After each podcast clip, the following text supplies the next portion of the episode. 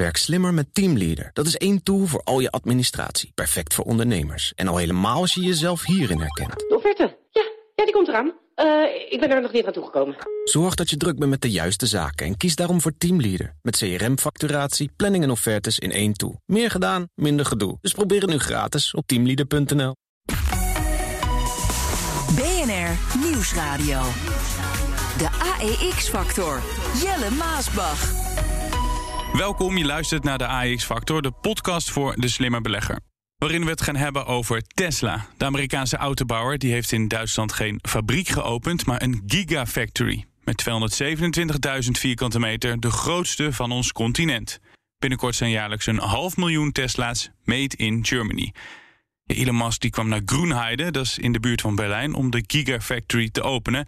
En dat ging wat soepeler dan zijn bezoek van een paar maanden geleden. Die ons tagtäglich uh, wirklich antreiben, uh, gibt es viel zu selten. Wir wollen euch mit was inspireren. Ja, dat was toen. Deze week ging die uh, overigens dansen. Deze aflevering gaat over de plannen van Tesla in Europa. Worden ze binnenkort minder afhankelijk van andere locaties op de wereld? En wat betekent dit voor de Duitse economie? En moet je eigenlijk nog wel investeren in autobouwers? Ik bespreek het met Han Dieperink, commercieel directeur van vermogensbeheerder Aureus. Ja, Han, uh, goed dat je er bent. Is het uh, goed dat Mas zijn productie in Duitsland gaat neerzetten? Nou ja, dat doen heel veel autobouwers natuurlijk op een gegeven moment, omdat ze toch geconfronteerd worden met heffingen, dus aan de grens. Dus als je een Amerikaanse auto importeert, dan moet je betalen, afrekenen. En nu komen de meeste Tesla's in Europa uit China, maar ook dan moet er afgerekend worden. Dus uh, hoewel het eigenlijk zinvoller is om alles op één locatie neer te zetten, dus een hele grote fabriek, schaalvoordelen te benutten, zie je toch dat uh, ja, Europa nu uh, een fabriek had. En ze moeten natuurlijk ook opboksen tegen de Duitsers. Ze verloren wat marktaandeel ten opzichte van met name Volkswagen. Dus uh, grote kans dat ze nu wat marktaandeel terugwinnen. Ja, en ook goed nieuws dat we zo'n uh, megafabriek in, uh, in Duitsland erbij krijgen. Nou ja, goed, voor de banen natuurlijk in Duitsland. Ik geloof dat het 12.000 waren. Dus dat zijn toch al behoorlijk wat. Hoewel natuurlijk een hoge geautomatiseerd proces is. Maar natuurlijk ook voor technologie. maar ik denk wel dat bijvoorbeeld de batterijen nog steeds uit China komen. Dus die worden hier niet geproduceerd. En dat willen ze graag in Europa, maar dat moet nog komen. Ja, en toch denk ik dan, waarom kies hij voor de Duitsland? Want hij, hij heeft de Duitsers best wel afgetroefd de afgelopen jaren als het om uh, technologie gaat. Ja, misschien juist daarom wel. Hè? Dus dat je gewoon juist in het midden in het hart van de auto-industrie... dat je daar dan uh, begint. Dus dat is wel grappig. Ik zie dat het aandeel ook goed uh, daarvan profiteert. Het is nu al deze maand 16% Ik geloof dat in acht sessies alleen maar gestegen is. Dus in snel tempo is er een derde bijgekomen. Dus... Ja, het is opmerkelijk hoe hij het presteert. Er was meestal, ook hier is de fabriek natuurlijk te laat. Hè. Die zou eigenlijk in juli al af moeten zijn. Maar uh, toch uh, is het hem gelukt. Dus uh, spectaculair. Nou, ja, spectaculair. De bondskanselier was bij die opening. Waarop hij aan het dansen was. De minister van Economische Zaken was erbij. Hebben die Duitsers zo'n soort van vernieuwen als Elon Musk nodig, denk jij? Nou ja, als je ziet natuurlijk als we af willen van de Russische energie, gas en elektriciteit, dan moeten we ook over op uh, natuurlijk op, op, op, alternatieve brandstof, maar ook op alternatieve manieren om ons voort te bewegen. Dus we kunnen niet meer uh, olie verstoken. En dat zie je dus dat de verduurzaming of de energietransitie massaal wordt ingezet. En het gek genoeg is dat in Duitsland wel gegaan op zonnecellen. Bijvoorbeeld hebben ze de energiewende hebben ze vrij vroeg hele dure zonnecellen neergelegd. En dan moeten dus in Duitsland vrij veel al voor nu al betaald worden op, voor energie of voor elektriciteit. Maar je ziet het op het gebied van auto's nog niet. Hè. Ze stoken het nog meest diesel en benzine. En er wordt nog weinig elektrische auto's verkocht in Duitsland. Een lange tijd was het ooit de Franse, Franse elektrische auto. Dat was ook wel bijzonder. Dus dat zelfs de Duitsers niet een goede elektrische auto hadden... maar dat je toch nog een Franse auto op nummer 1 stond uh, qua elektrische auto. Maar inmiddels is dat Volkswagen. Die hebben een vrij groot marktaandeel. Ja. Straks meer over Tesla. Dan hoor je ook een reportage van onze Duitslands correspondent. Maar laten we beginnen met een terugblik op de afgelopen beursweek. Het was de week waarin angsten uit oude tijden herleven. Die van de Koude Oorlog, om precies te zijn. De Verenigde Staten, maar ook de NAVO, denkt dat Rusland massa-vernietigingswapens gaat inzetten. Jens Stoltenberg maakt zich zorgen. We see that Russia is trying to create some kind of pretext accusing Ukraine, United States, NATO allies for preparing uh, to use uh, chemical and biological weapons. Chernobyl, nog zo'n naam uit het verre verleden, was deze week ook alweer in het nieuws. De Russen hebben een laboratorium in Chernobyl vernietigd. Het laboratorium eh, is op die locatie geplunderd en vernield, zeggen Oekraïnse functionarissen. Het staatsagentschap van de Oekraïne zegt in een Facebook-post dat het laboratorium zeer actieve monsters van radioactieve stoffen bevat, die vandaag in de handen van de vijand zijn. En Jamie Dimon, dat is de CEO van JP Morgan Chase, die wil dat er een nieuw Marshallplan wordt opgetuigd, meldt CNBC. Europa moet geholpen worden, vindt hij, om minder afhankelijk te worden van de Russen. So apparently, uh, we're seeing Diamond calling on the U.S. to help Europe get free of its decade long addiction to Russian oil and gas. Diamond apparently also said the plan should include things like more natural gas production here, which could then lead to more liquefied natural gas import facilities in Europe. Also, Diamond reportedly mentioning new technologies like hydrogen as well as carbon capture. Het was ook de week waarin Chinese bedrijven een hoofdrol speelden op de beurs. Tencent kwam met heel beroerd nieuws. De traagste omzetstijging sinds de beursgang van 2004. Ze kampten met tegenvallende advertentieverkopen, maar ook met de Chinese overheid. Strengere regels qua hoe lang en wanneer Chinese kinderen games mogen spelen. En ook de mogelijkheden voor de chat-app WeChat. Daarmee kun je ook online shoppen en bankzaken regelen. Maar die moet nu opengesteld zijn, ook voor andere bedrijven, waardoor Tencent er weer minder aan verdient. En Hosanna juist bij Alibaba. Daar ging de koers door het dak. Het bedrijf gaat voor, jawel, 25 miljard dollar aan eigen aandelen opkopen. Tencent zit weer in de hoek eh, waar de klappen vallen. Is dat terecht volgens jou? Uh, nou ja, dat is natuurlijk al een tijdje gaan. Het begon eigenlijk met uh, Alibaba. Dus een speech van Jack Ma midden op de Bund in, in Shanghai. Waar ook mensen van het politbureau bij aanwezig waren. Die dan even zeg maar, toch in het openbaar vernederden. Ja, dan is het daarna is het eigenlijk niet meer goed gekomen. Um, ja, wat je vorig jaar zag natuurlijk... is dat er heel veel regelgeving kwam voor techbedrijven. Eigenlijk regelgeving die je hier ook hebt. Dus we hebben hier ook dat kinderen niet naar films kunnen. 18 jaar en oude leeftijdsgrenzen. Nou, dat hebben ze in China, hadden ze dat niet. En hebben ze nu ingevoerd. Dus niet eens dat het nou hele erg zware maatregelen zijn. Maar goed, ja, voor een vrije ondernemer zoals Tencent is dat toch wat beperkend. En met name natuurlijk het financiële deel, wat dan meer aan moet schuiven richting het gereguleerde financiële industrie. Het waren toch wat vrijgevochten jongens. Uh, zie je dus dat, uh, ja, dat, dat, dat, gewoon wat de groei wat drukt. En daar zie je ook duidelijk terug de waardering. Want Alibaba kwam ooit naar de beurs voor 20 keer de omzet. En staat nu op twee keer de omzet. Dus er is wel heel wat vanaf. Dus heel veel slecht nieuws is uh, verdisconteerd. Um, en je ziet nu dat vorige week de Chinezen gedraaid zijn. Dus ze zegt, nou, we gaan niet meer zwaardere regels in, inzetten. We willen nu wat meer economische groei. En een deel van de maatregelen is gewoon ook om die bedrijven dan uh, ja, hun gang te laten gaan. Dus ik verwacht eigenlijk dat het wat kantelt. En als je naar China kijkt, top-down, dan zie je dus dat de groei verbetert. Dus dat, de groei, nou, dat het een aantal kwartalen slecht was, met name dus door de projectontwikkelaars. Maar met Evergrande natuurlijk dat het lastig was. Uh, dat de centrale bank stimuleert. Dus heeft de rente nu een paar keer verlaagd. Het is nog niet veel, het kan nog wat beter. En dat ook de waardering eigenlijk aantrekkelijk is. Dus de fundamenten voor de Chinese beurs zijn goed. En gek genoeg durven beleggers nog niet. Misschien dat ze een beetje bang zijn voor sancties. Dus net als Rusland het ook China sancties krijgt. Maar ik denk dat dat onterecht is, want het is toch de tweede economie. Ik denk niet dat de, de, de Russen of dat de Amerikanen en, en Europeanen zo ver gaan om zeg maar, daar eh, een boycott op te leggen. Nee. Maar ja, het is toch een beetje de vrees die leeft. Want als ik jou hoor, dan is het ergste eigenlijk wel achter de rug. Vooral die inmenging van de Chinese overheid. Het werd altijd als het grootste struikelblok gezien. Als zij nu al zeggen van, we hebben het nu al gehad, zo'n beetje qua regelgeving. Ja, je, mensen, je weet natuurlijk nooit, met, met zo'n overheid, weet je natuurlijk nooit, heb je geen rechtszekerheid. Je moet altijd in China meebeleggen met Peking. Dus je moet zorgen dat wat Peking wil, dat je in ieder geval ook in dezelfde stromen zit. Huh? Dus dat je niet tegen inroeit. Uh, en op een gegeven moment hebben de mensen toen, ja, zag je toch dat het uh, wat angstig werd vorig jaar, vorig jaar. Dat mensen gewoon dachten, nou ja, ik, ik, krijg hier nooit meer rendement uit uit dit soort bedrijven. En het is niet zo dat de Chinese overheid zegt dat die bedrijven geen geld mogen verdienen. Ze willen het alleen reguleren. En eigenlijk wat ze willen is dat er meer een stabielere economische ontwikkeling is. En wat meer dat de consument ook geholpen wordt. Dus dat een brede consumentenklasse ontstaat. Met relatief weinig hele rijke mensen en, hele, en weinig hele arme mensen. En dat was het, het, het, streven. Natuurlijk willen ze ook gewoon controle op alles. Dat hou je toch. En, uh, maar niet dat het nou echt is dat ze die bedrijven op wilden leggen. Dat is niet het, uh, was niet het geval. En zo reageerde de beurs wel. Ja. Dus dat... Uh, denk ik onterecht, of dat biedt kansen. Ja, uh, misschien ook voor Prozus. AX-bedrijf Prozus uh, heeft een uh, belang in Tencent. En als er iets met Tencent gebeurt, dan zie je Prozus op, de, op het damrek naar beneden gaan. Ja, dus veruit natuurlijk het grootste onderdeel van Proces is Tencent. En je kunt dan Tencent kopen met een discount. Je krijgt nog wat andere onderdelen erbij. Er zitten trouwens ook een paar Russische onderdeeltjes in. Zoals Mail.ru, dat was een... Uh, maar ja, dat is eigenlijk verwaarloosbaar op het, op het uh, geheel. Ja. Dus het is gewoon een discount die... Uh, Prozus nog steeds heeft ten opzichte van Tencent. Want eigenlijk is Prozus ontstaan omdat er een discount zat. Uh, uh, zeg maar een discount dichtgemaakt moest worden. Maar ik denk dat als je kijkt naar de intrinsieke waarde, dus op basis van de onderliggende beurskoersen, dat je al gauw richting de 120 euro gaat. En hij staat iets van 50. Dus dat is echt fors. Dus, ja. Uh, ja. En dat Alibaba dat even de portemonnee trekt, 25 miljard dollar. Ja, inkoop eigen aandelen. Ja, ja dat is, ja dat, was al een programma van 15 miljard. En het probleem bij die techbedrijven is tegenwoordig niet dat ze niet uh, kas, kas, genereren hoor. Dus ze verdienen genoeg. Goed. Dus ze kunnen best wel heel veel inkopen. Um, en ja, Alibaba is eigenlijk nog harder geraakt dan Tencent. En dat zit ook wel wat meer, omdat natuurlijk met Alipay, dat staat eraan vast dat het toch eigenlijk wel gesloopt is. En natuurlijk, Dirk Ma ligt ook helemaal niet goed natuurlijk in, in China. Maar ook Alibaba heeft natuurlijk een waardering. Ja, ik bedoel, dat alsof of ze nooit meer zullen groeien. En dat als je naar Amerika kijkt, wat je kunt kopen op twee keer de omzet. met ja. vergelijkbare bedrijven, denk ik, ja, dat, dat is onterecht. Dus uh, er zit een discount in, maar het wordt niet bepaald meer door het fundament. Dus je kijkt niet, het wordt niet bepaald door de winstontwikkeling, het wordt meer bepaald door de politiek.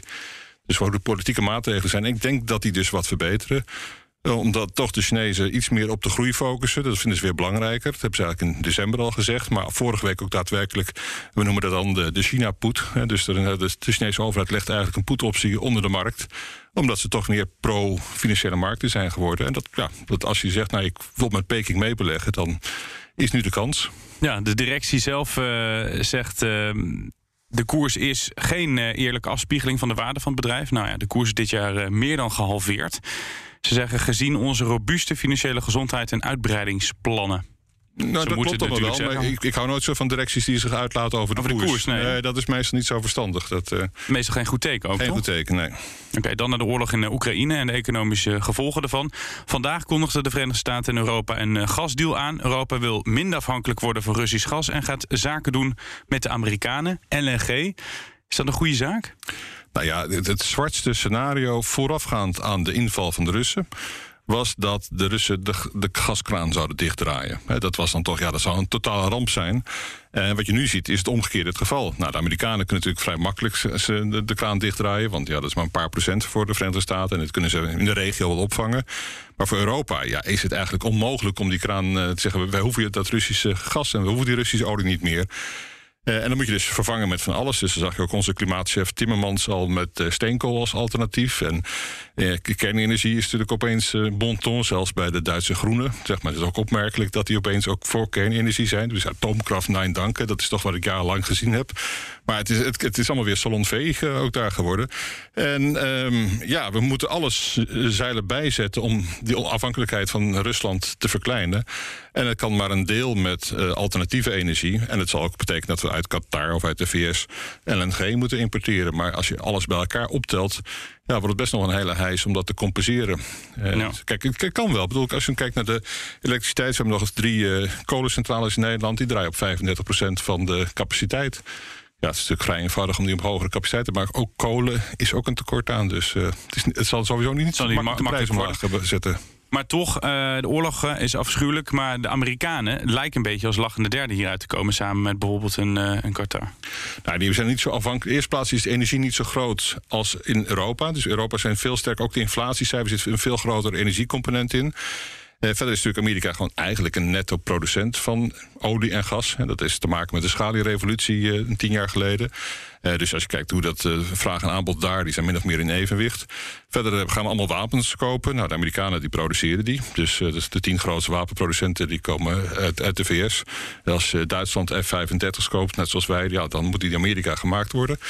En uh, als het over voedsel gaat, hè, we hebben natuurlijk ook een beetje dat we uit de Oekraïne nu de zonnebloemolie en alle andere dingen die dan uh, ja. een tekort aan zou moeten zijn.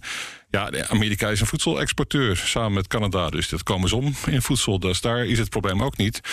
Uh, en ja, dan uh, zie je dus eigenlijk dat het alleen maar wat inflatieverhogend werkt voor de VS. Daarom dat dus nu de uh, Powell zegt, nou dat moet er maar twee kwartjes bij op de volgende keer in plaats van één kwartje. We hebben het afgelopen week in de AX-factor veel over de oorlog gehad. Waarom het de ene keer wel en de andere keer niet de beurs leek te raken. Het is natuurlijk een onzekerheid, een hele grote onzekerheid. Nu wordt er zelfs over gesproken dat we ons druk mogen maken of die bom gaat vallen of de Russen op de, op de knop gaan drukken. Is dat een extra grote onzekerheid in één keer geworden? Nou ja, dat, het gekke met zo'n scenario is natuurlijk... daar kun je niet zoveel tegen doen, zeg maar. Je kunt niet zeggen, en dan neem ik die aandelen... of dan ga ik in kas, of dan ga ik in goud. Op het moment dat dat gebeurt, dan uh, heb je dus geen scenario meer over. Dus Uh, wat je wel ziet bij uh, dit soort risico's, noem ik het dan maar, Mhm. is dat als je het maar vaak genoeg hebt in de krant of op de radio, op een gegeven moment wordt zo'n risico dan een kans. Dus wat je toch hebt met beurs is dat dat gaat dan verdisconteerd worden in de koersen, zodat het heel negatief is. Uh, en op een gegeven moment is, zie je dat juist dat kansen creëert. Omdat op een gegeven moment natuurlijk het, een te zwart scenario wordt ingeprijsd. Ik zeg niet dat dat nu het geval is. Want als je kijkt naar de beurs dit jaar, is een paar procent af. De obligaties doen het slechter dan aandelen dit jaar. En als je een beetje mee zit, dan staan we vandaag in de plus met uh, de meeste beleggingsportefeuilles. Dus uh, het kan hard gaan. Ja. Oké, terug naar Tesla. Als we kijken naar de beurskoers, de laatste weken, zei je net terecht, gaat het weer goed. Maar voor dit jaar toch nog steeds een verlies van dik uh, 15%. Om te beginnen met het begin, wat vind je van het aandeel Tesla? Nou, nou ja, het is natuurlijk vanaf de start eigenlijk al een discussie geweest dat het te duur was.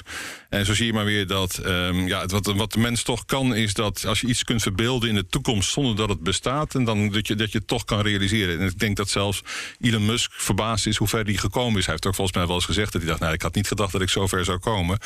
Uh, en het is natuurlijk uh, ja, een fenomenaal succes. Het is op een gegeven moment zie je ook dus dat lange tijd was het heel het veel te duur en belachelijk en het zou nooit wat worden. En als je dan kun je alle andere alle, alle uh, autobedrijven kun je ernaast zetten en dan nog was Tesla meer waard dan alle autobedrijven bij elkaar. Maar als je ziet hoe spectaculair ze toch uh, die productie hebben weten op te voeren, dat is ook wel een hele prestatie. Dat is natuurlijk een heel moeizaam proces geweest, ook in die, in die fabriek. Uh, dat natuurlijk vergaand geautomatiseerd was. Dat, wat, dat het veel sneller en efficiënter in elkaar gezet moet worden dan bij de concurrentie. En dat is hem gelukt. Dus kan tegen relatief concurrerende prijzen, kan die toch nu uh, auto's produceren. En dat is natuurlijk het, eigenlijk het spektakel zit daar met name in. Dus niet het feit dat je een elektrische auto zit, misschien ook niet specifiek in het design, dat kan iedereen misschien ook wel. Maar het feit dat je logistiek zo snel bent dat je toch tegen acceptabele prijs iets kunt produceren. Met ook hele hoge marges. Dus die marges zijn best wel spectaculair vergeleken met andere autoproducenten. Dus uh, ja, dat is in korte tijd uit de grond gestampt. En ja, waar het dan, wat het dan waard is, ja, dat is lastig. Maar dat weet je niet met zulke spectaculaire groei is. Dan moet je gaan incalculeren hoe groot marktendeel ze krijgen. Plus het feit dat er dan nog spin-offs achter zitten. Van ja, je hebt nog zo'n batterij, die kun je anders voor inzetten. Je kan zo'n smart grid uh, gaan ontwerpen. Daar kan die auto ook een onderdeel van zijn. En op het gebied van die batterijtechnologie loopt ze ook een paar jaar voor. Dus ja, het is een hele nare omstandigheid eigenlijk voor de rest van de auto-industrie. En uiteindelijk zie je dat de beurs gelijk heeft gehad. Dus die lange koersen die lang hoog zijn geweest, dat die ook wel terecht zo hoog zijn geweest. En ik denk wel, ja, als je nu ziet wat de gevolgen zijn van Oekraïne voor de energietransitie en voor het promoten van elektrische auto's, dat ze nog steeds de wind mee hebben. Dus, uh, ja. Ja. Vorig jaar was heel knap, hadden ze uh, voor het eerst in de geschiedenis dat. Uh, de jaarwinst. Ze hadden helemaal geen te, uh, last van de, van de tekorten, de chiptekorten. Ja, ja, dat is ook Lijkt gek, dat ze er nu wel wat last van hebben. Nou, misschien iets meer. Maar wat je hebt bij uh, die andere auto's... is dat die dan bij de chipsfabrikanten... Die moet, alles moet dan goedkoop, hè? want het moet goedkoop ingekocht worden. Dus als je dan zo'n zo'n chipserie draait... bij zo'n grote producent, bijvoorbeeld bij TSMC... of bij een andere foundry of wat dan ook... Ja, dan zie je dus dat het uh, meestal op het laatst was. Uh, je korting, ja, dan ben je al niet de beste klant natuurlijk. Terwijl Tesla wel vaak door die chipsproducenten... werd gezien als de beste klant. Want loopt voorop, nieuwe technologie, er gaan meer chips in bij Tesla. Betere chips, ze betalen betere prijzen. Ja, en dat heeft ze natuurlijk gered. Dus dat zie je dus dat uh, Tesla geen tekorten had. Ja, en het is natuurlijk wel... Als je bijvoorbeeld oorlog is natuurlijk verstoord ook productieketens. Dat kan natuurlijk weer hetzelfde negatieve effect hebben. Dat zal misschien ook Tesla wel kunnen zijn. Je ziet bijvoorbeeld in Oekraïne dat er ook wel onderdelen of grondstoffen worden gemaakt voor auto's. Dus dat kan ook bij Tesla wel wat raken. Maar ik heb niet de indruk dat daar de grote pijn zit. Uh, het zou hier misschien in personeel straks zitten, dat zou kunnen. Maar, ja, dat dat ja. lastiger is. Ja, maar dat geldt in de VS ook. En gek genoeg ook in China wel. Dus die is allemaal niet zo makkelijk om mensen te vinden. Dus, uh. Is het aandeel ook interessanter geworden nu ze op een jaar verlies van uh, 15% staan? Nou ja, ik, ik, vind het moeilijk te waarderen nog steeds. Hoor. Dus als ik, een, uh, ik, ik denk dat het thema, dus die energietransitie, dus dat, dat dat een belangrijk thema is. En daar is Tesla een duidelijk onderdeel van. Ik denk dat dat de komende jaren het wind mee heeft. Want ja, we moeten toch proberen over te schakelen op alternatieve brandstoffen. Niet alleen maar voor het milieu, maar ook zeg maar, omdat we niet afhankelijk willen zijn nou, in ieder geval van Rusland, misschien straks ook van de Arabieren. Ja. Als je de kant van de Russen kiezen. Dus ja, dan uh, die, dat, het, het, het, helpt de energietransitie. En de basis van de energietransitie is dat Tesla dat toch inhoort. Ja, Duitsland is uh, een uh, megafabriek rijker. Eén waar meer dan 10.000 mensen aan het werk kunnen. En die 5 miljard euro heeft gekost. Nou, die Gigafactory is ook giga belangrijk voor de Duitse economie. Vertelt BNR's Duitsland-correspondent Dirk Masseijen.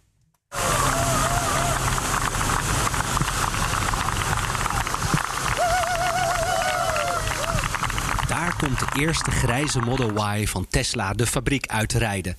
De kurken knallen en de roestrode spetters van het koude vuur zorgen voor een mooie show. Grunheide was tot twee jaar geleden een naaldbomenbos op 50 kilometer van de Poolse grens ten zuidwesten van Berlijn. En nu dus het decor voor de Gigafactory van Tesla. Dankeschön voor alles. Uh, Brandenburg, uh, Grunheide en Duitsland. Um, go to English. Maar dat nu de Amerikanen bij de Duitse hoofdstad jaarlijks 500.000 elektrische auto's willen produceren in de achtertuin van de vermaarde industrie, is niet voor iedereen iets om trots op te zijn. Want waarom konden de Duitsers dit niet zelf? Voor bondskanselier Scholz in elk geval geen reden om de uitnodiging om de officiële opening te verrichten af te slaan. Eine nagelneue Automobilfabrik in diesem Land zu errichten, eine richtige Entscheidung und ein Zeichen für den Fortschritt und die Zukunft der Industrie. Met de vele miljarden aan omzet, de 12.000 banen, ging de deelstaat Brandenburg all in op dit project. Een stuk maakindustrie terughalen, dat was de reden. En daar wilde men ver voor gaan.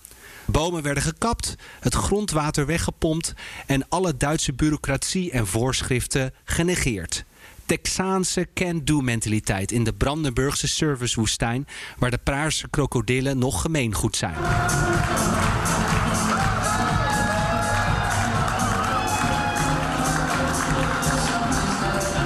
Elon Musk genoot deze week en liet zijn vreugdedansje voor de draaiende Tesla-drooncamera zien. Twee, twee jaar de fabriek af. Kan men dit dan niet zelf in Duitsland, was de vraag die werd gesteld in Duitse media. Natuurlijk wel, zeiden Duitse machinebouwexperts. De productielijnen bij Volkswagen, BMW en Daimler zijn al omgebouwd. De inhaalrace is ingezet. En zo wordt gesteld door de Duitse autolobby: wie zegt dat die Duitse automobilist wel elektrisch wil rijden? Waar is de infrastructuur, de actieradius, de veiligheid van de auto's? Zij rekenen nog steeds op hun traditionele voorsprong. Maar een beetje jaloers keken ze natuurlijk wel naar Tesla, dat in elk geval deze week in Duitsland de show stal. Ja, je hoort de Duitslands correspondent uh, Dirk Masseien. Hans, snap jij die sceptisch van sommige Duitsers? Nou ja, Duitsland is misschien met ander land dan Nederland... in de zin dat je langere afstanden aflegt op de autobaan.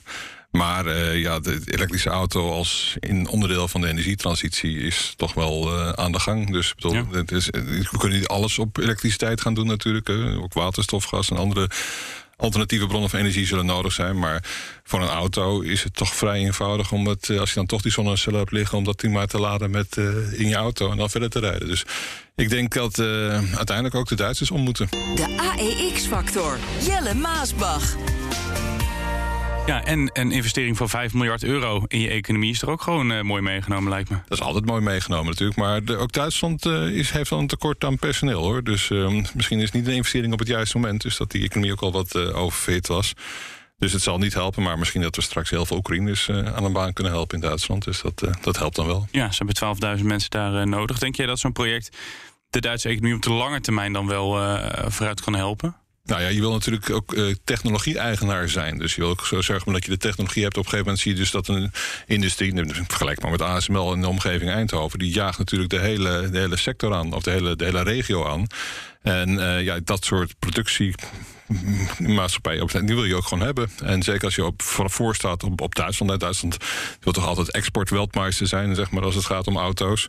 Ja, dan is de elektrische auto daar een fundamenteel onderdeel van. Hè. Dus we hebben, een tijdje hebben ze gegokt op diesel. Dat was niet helemaal goed afgelopen. en um, ja, ik denk dus de elektrische auto's dat dat centraal staat. En ik denk ook, moet ik zeggen, dat Volkswagen het vrij snel oppakt. Dus die uh, heeft nu een groter marktendeel dan Tesla. Uh, en ik, ik, weet niet of dat zo blijft, maar die modellen verkopen goed, ook in Duitsland toch wel hoor. Dus, dus het gaat beter. Het is niet meer dat Frank Franse auto's op één staan in Duitsland. nee, nee, op het gebied van elektriciteit dan. Die staan niet meer op één. Ik was laatst in een aantal Duitse steden, waaronder Berlijn. En dan merk je echt dat het een autostad is, vergeleken met Amsterdam, waar je bijna nergens meer kan rijden. Maar daar kunnen alle auto's erin. Maar elektrische auto's die zijn bij wijze van spreken op uh, twee handen te tellen. Dan heeft Musk nog wel echt een missie daar uh, te gaan. Uh, ja, maar dat is vooral de Duitse overheid die dat moet stimuleren. Want de meeste elektrische auto's rijden natuurlijk dankzij fiscale maatregelen. Dus het succes in Nederland heeft niet zozeer te maken dat wij nou zo'n fan zijn van elektrische auto's. Maar vooral dat het fiscaal erg gestimuleerd was en nog steeds wel wordt. Maar ja. dat, dat heeft natuurlijk een grote impact. Ehm, gaan ze dat ook doen, uh, Han, denk jij, de Duitse overheid? Nou ja, dat hangt af van je klimaatdoelstellingen. Ik, de, de, quick win in Duitsland voorlopig is om de bruinkoolmijnen maar eens, uh, het bruinkoolcentrales maar eens te sluiten. Want uh, ja, dan. Het, het, is heel raar natuurlijk in Duitsland. Aan de ene kant hebben ze dus die, de energiewende ingezet door heel snel tempo iedereen overal zonnecellen er neer te zetten en windmolens. Daar staat het land mee vol. Uh, tegelijkertijd uh, kwam dus Nord Stream 2. Dat was eigenlijk het gas wat uit Rusland moest komen... Ja. ter vervanging van de bruinkoolmijnen. Ja, nu dat gas niet doorgaat en de bruinkoolmijnen eigenlijk langer open moeten... kernenergie ook weer aan... Ja, dan uh, moet je toch op een andere manier je klimaatdoelen gaan halen. En ik neem aan dat Duitsland gewoon in de pas loopt met, Europa. Zeker nu dat ze niet meer die, ja, die uitzonderlijke positie hebben. Want dat is eigenlijk ook wel heel bijzonder.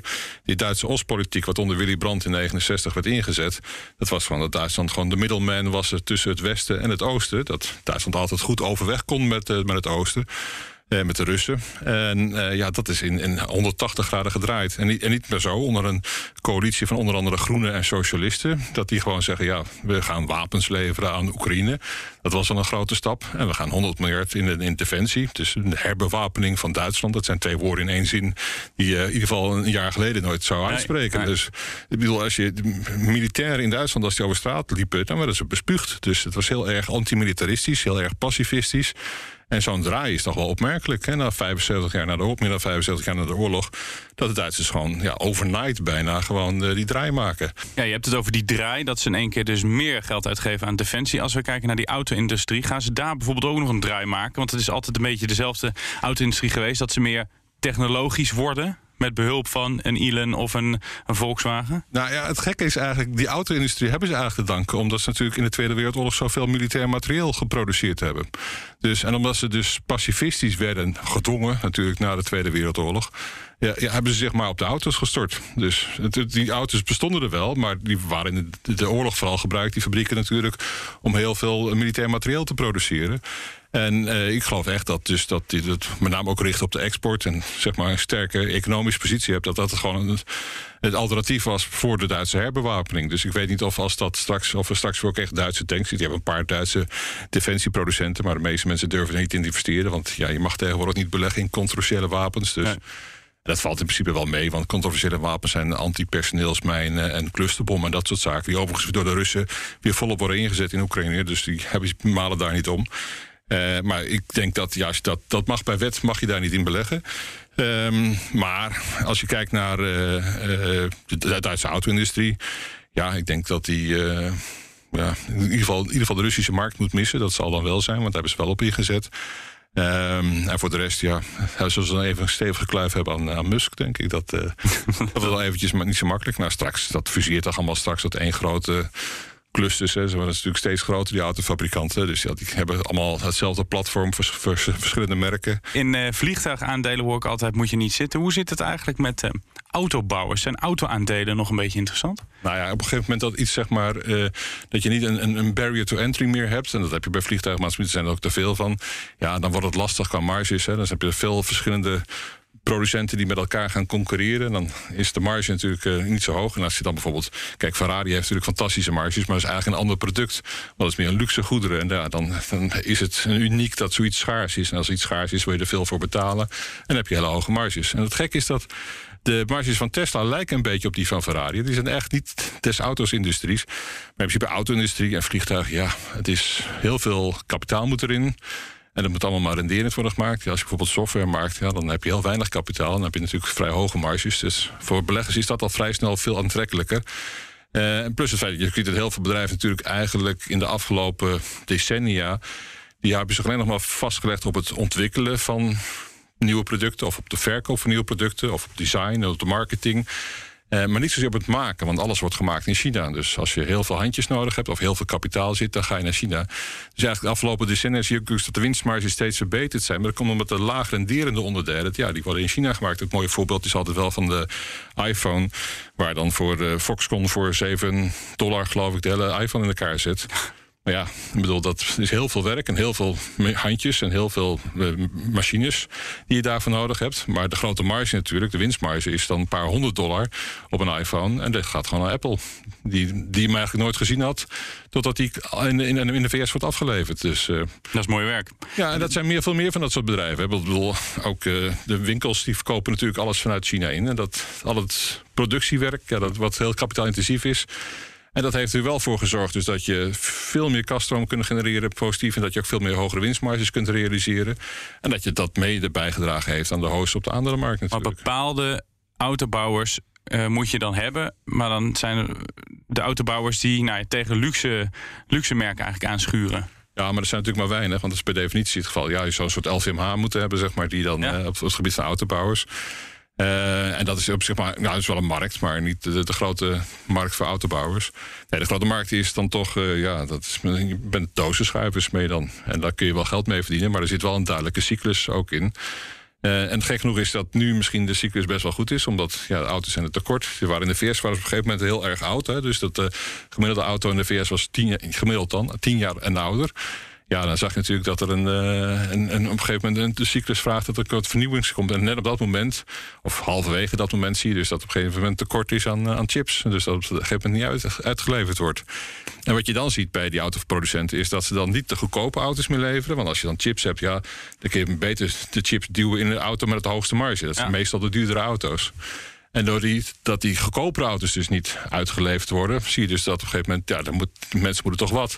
Mensen willen toch een auto, dus die kijken op de tweedehands automarkt. En dan zie je de spectaculaire stijging van tweedehands autoprijzen. Alleen maar omdat die fabrikanten zeggen, nou, dat doen we dus niet meer. En uh, ja, dat, die blijven ook maar hoog. En dat jaagt dus gek genoeg ook weer de inflatie aan. Want bijvoorbeeld een 1 procentpunt van de, de inflatiecijfer in de VS is dan de prijs van tweedehands auto's. Het is maar een paar procent van het inflatiemandje. Maar ja, als het dan 30, 40, 50 procent ja. stijgt, ja, dan tikt het nogal hard door. En je, ja, je weet eigenlijk al dat het op termijn weer terugkomt. Want dat op een gegeven moment dacht die tweedehands auto... ja, dat kan niet natuurlijk zo spectaculair stijgen. Want ja, straks heb je dan zo hard gestegen... dat die nog duurder is dan een nieuwe auto. Dat komt overigens ook voor. Hè? Dus dat auto's die je nieuw hebt, die zijn goedkoper... dan auto's die dan direct geleverd worden. Alleen omdat de levertijd uh, zo lang is. Dus je ziet uh, hoe een paar kleine verstoringen... alleen maar omdat je het goedkoopste wil... chips dus, ja. dat, je dat, uh, dat, dat zo'n groot effect heeft op het totaal... Maar ik hoor nog niet bij jou uh, het enthousiasme. Of ik, ik hoor je natuurlijk wel enthousiast praten. Maar nog niet dat je zelf zegt van nou, ik ga autobouwers in mijn portefeuille stoppen. Nee, nee, nee. nee, Te veel nee. risico eigenlijk toch nog. Ja, het kapitaalintensief. Zegt, sommige het zal best kunnen. Maar nee, ik kijk nu zou meer kijken naar uh, wat er relatief goedkoop is. En bijvoorbeeld energiebedrijven. Kijk, het oliebedrijven. Die kunnen zeggen, ja, die, die, die zullen uiteindelijk de, de, energietransitie niet overleven. Maar ik geloof wel dat ze onderdeel kunnen zijn van de energietransitie. Want ze hebben de kaststromen, de ingenieurs, de kennis van grote projecten. Zij zouden het als enige echt kunnen versnellen. Uh, als de energietransitie lukt voor 2030, ja, dan heb je een oliebedrijf niet zoveel te zoeken. Maar als het niet lukt, bijvoorbeeld uh, voor 2050 of zoiets, ja, en dus dat ziet het nu toch wel naar uit. Als je kijkt naar de, de getallen, dan, ja, dan heb je nog spectaculaire goedkope bedrijven nog steeds, nog steeds te koop. En ik, misschien dat de olieprijs nog een keer doorschiet naar 200 dollar, dat zou best kunnen. Maar als je op dit niveau blijft, en daar ziet het ook wel uit dat het nog lang hoog blijft, ja, dan uh, is, is eigenlijk heel veel oliebedrijven zijn spot goedkoop. Het is ook maar 3, 4 procent van de, de totale wereldindex. Ja, dat was wel eens 10, 13 procent. Dus uh, ja. ja, dat is raar. Want op dit moment zijn dus niet zo heel veel bedrijven heel goedkoop. Hè? Want in de VS is altijd nog een beetje gepiept van dat het een beetje duur was. En dat kon dan wel met die lage rente. Maar ja, die rente is nu niet 2 procent, maar 2,3 in de VS. En straks gaat het naar 2, 3 kwart. Dus ja, dan begint het toch een beetje pijn te doen in, in de waarderingen.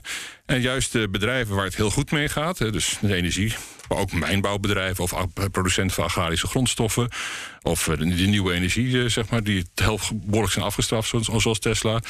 Ja, daar gaat het eigenlijk winstmatig heel goed mee, maar dat zie je niet zo terug in de waardering.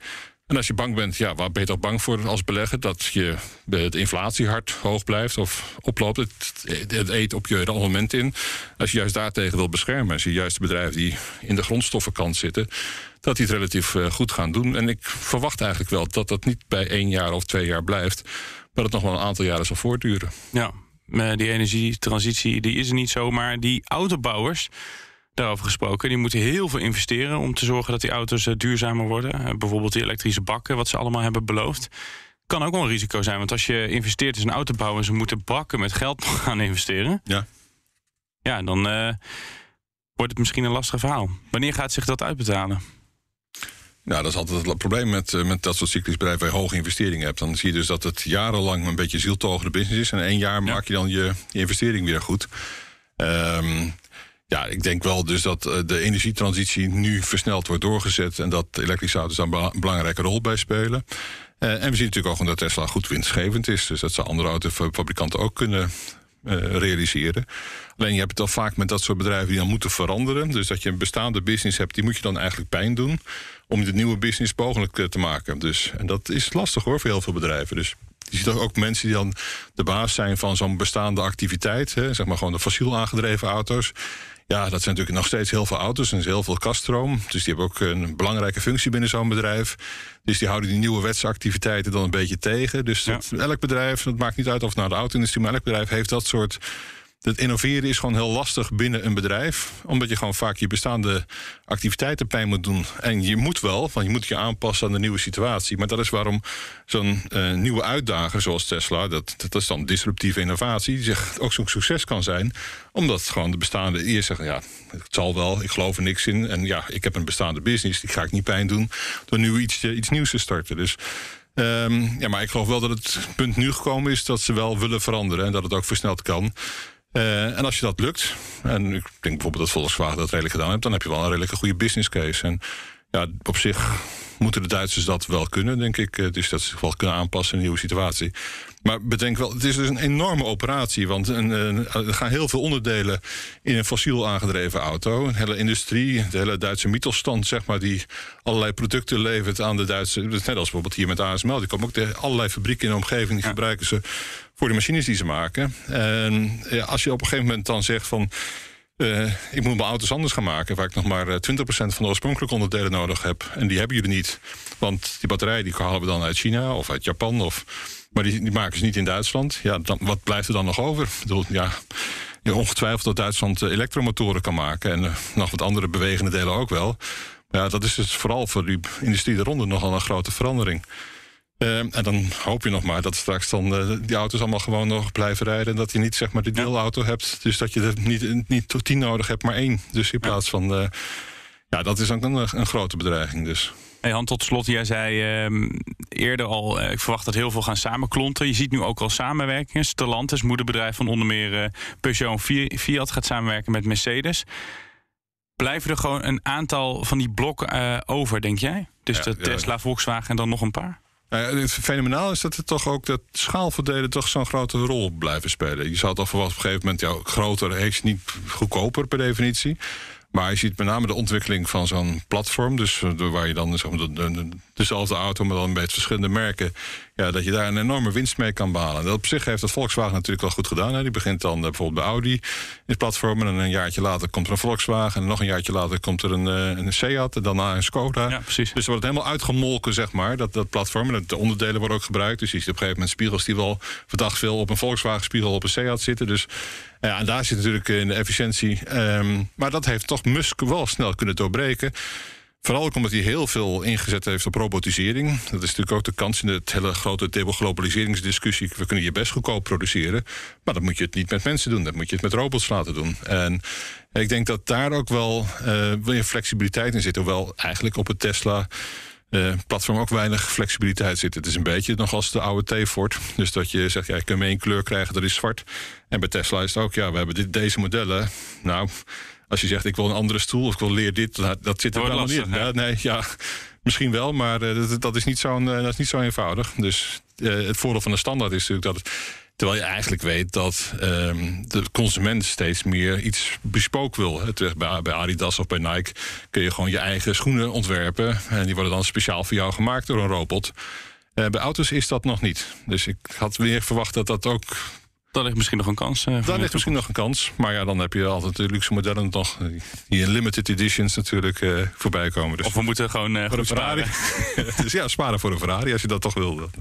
Dit was de AX-factor voor deze week. Ik dank Han Diepring, commercieel directeur van vermogensbeheerder Aureus. Dank voor het luisteren. Volgende week dan is Wesley er weer. Werk slimmer met Teamleader. Dat is één tool voor al je administratie. Perfect voor ondernemers. En al helemaal als je jezelf hierin herkent. Ja, het, het komt er echt aan. Maak je geen zorgen. Het is einde van de maand. Ja. Zorg dat je druk bent met de juiste zaken en kies daarom voor Teamleader. Met CRM-facturatie, planning en offertes in één tool. Meer gedaan, minder gedoe. Dus probeer het nu gratis op teamleader.nl.